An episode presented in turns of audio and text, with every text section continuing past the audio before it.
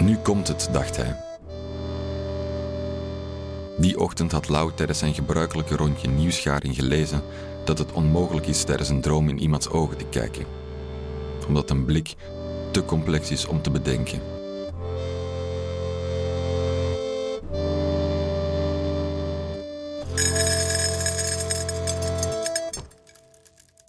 Na afgelopen nacht had hij nog het tijdelijke voordeel beter te lijken dan hij was. De finale oordelen over elkaar waren nog niet geveld, dus zei hij: even weg, om wat later terug te keren met een vers bio-meergranenbrood van Le Pain Français. Aan hem zou het niet gelegen hebben. Hij wist nog niet dat Tini's blik zich vanaf nu veelvuldig aan hem zou willen opdringen. Vanochtend was ze pas voor het eerst naast hem ontwaakt, nadat de auditiestress haar had overmand en ze op zoek was gegaan naar verlossing van de tekst die ze al de hele week de haar had trachten te maken. Yasmina Reza's Le Dieu du Carnage. Bij zijn terugkomst stond Tini te roken in het geopende venster. Goeiesmorgens, zei Lau doorheen de jengelende zondagsklokken van de kathedraal en kuste haar in haar nek, waarop ze haar sigaret uitdrukte en in de Birkenstock stapte die ze de avond voordien in de hoek van de woonkamer had uitgeschopt. Tini snoerde haar oversized kamerjas wat strakker en schoof aan tafel. Lekker, zei ze in haar Hollandse tongval. Lau twijfelde of ze zich tot hem richtte, dan wel tot alles wat hij voor haar had uitgestald, als was hij een tropisch vogeltje dat zijn nest zo uitnodigend mogelijk had ingekleed. Dat hij best ook een zacht gekookt eitje wilde maken, zei hij, het mannetje, maar ze wilde hagelslag, muisjes in haar idioom. Tini tastte in de broodzak en viste vier snedes op die ze op haar bord openlegde. Fuck, dacht Lau. Vol gaten.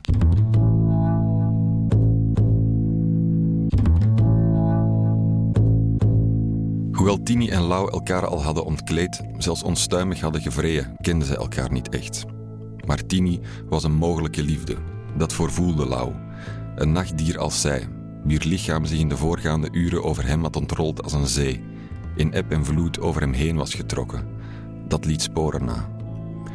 Zijn neiging zich te beheersen hield daarom de overhand, alsof een blijk van ontevredenheid haar zou verjagen.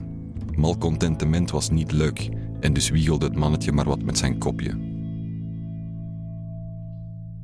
Tini pakte een snede brood, stak haar vinger door het gat in het kruim en liet de korst als een hula hoop rond haar vinger dansen.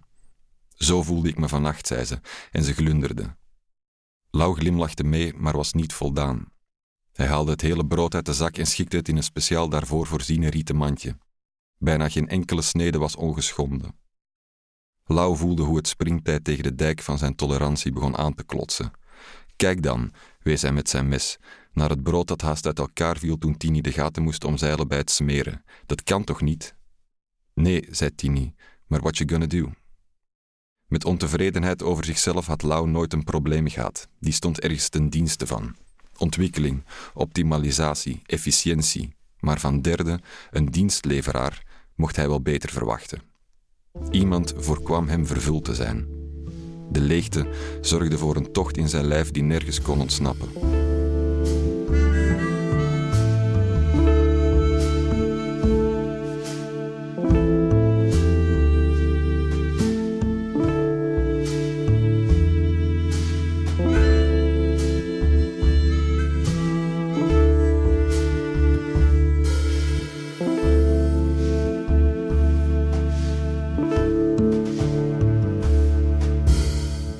Gelaten strooide Tini de hagelslag over het brood en streek haar vinger eroverheen.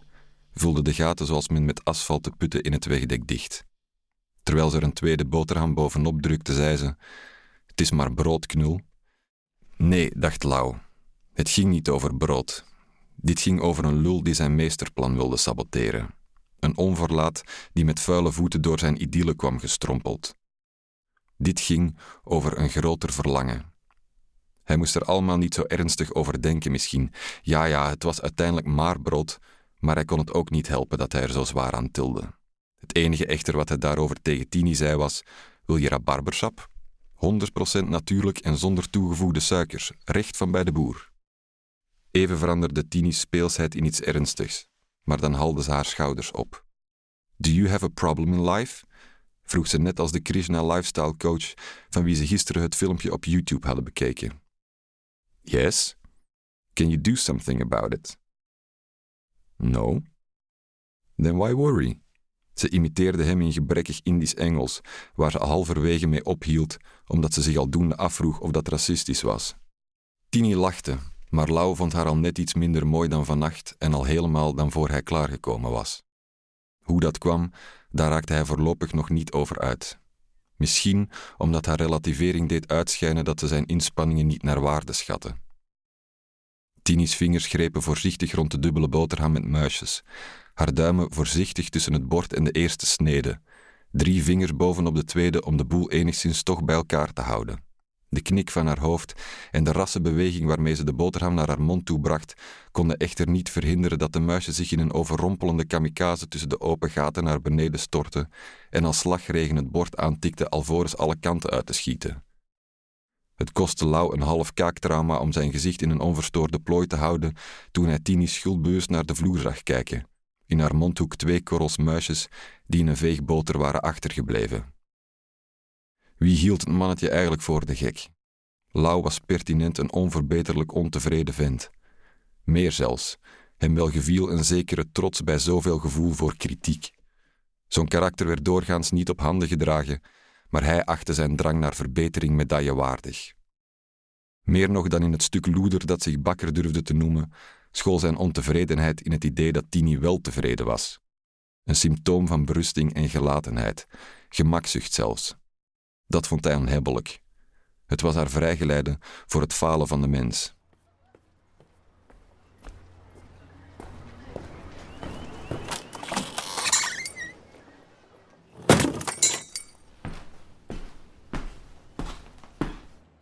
Al ons brood is artisanaal, meneer, zei de bakkersvrouw.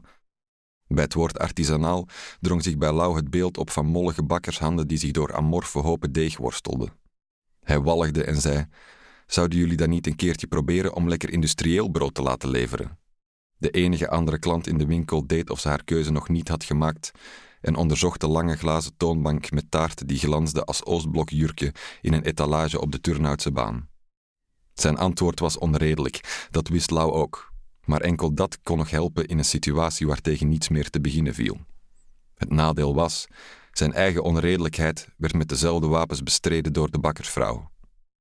Heeft u het bonnetje nog? vroeg ze. Lau maakte een verontwaardigde golfbeweging met zijn lijf om vervolgens aanhang te zoeken bij de eenzame klant die voort haar best deed niet te bestaan. Dat hij hier vanmorgen al was geweest, zei Lau, en dat mevrouw nogthans zo geschrokken leek toen hij hier daarnet opnieuw voor haar neus stond. Toen kende u me blijkbaar wel, zei hij, en nu heeft u het bonnetje van doen. Sorry meneer, zonder bonnetje ben ik niks, loog de bakkersvrouw. Haar uitspraak werd kracht bijgezet door de verschijning van haar man, de bakker zelf, die in de winkel kwam kijken naar wat het ophef had te betekenen. Zijn klompen handen afdrogend aan een bebloemde handdoek. Laus onmacht beroofde hem van zijn beheersing. Dat brood wordt per loof verkocht, niet per kilo. Ik heb voor lucht betaald, snoof hij, waarop hij als een drenkeling driftig begon te inhaleren. Kijk, dat kon ik ook wel gratis krijgen. Met een wegwerpgebaar liet hij het bakkerskoppel voor wat ze waren en maakte rechtsomkeer. Tijdens de litanie had zijn broekzak gevibreerd. Met een scan van zijn duim opende hij het bericht op zijn telefoon. Auditie was kut, ga maar lam zuipen. XT. Ja, die Tini, dacht Lau, dat kon misschien toch nog wel wat worden.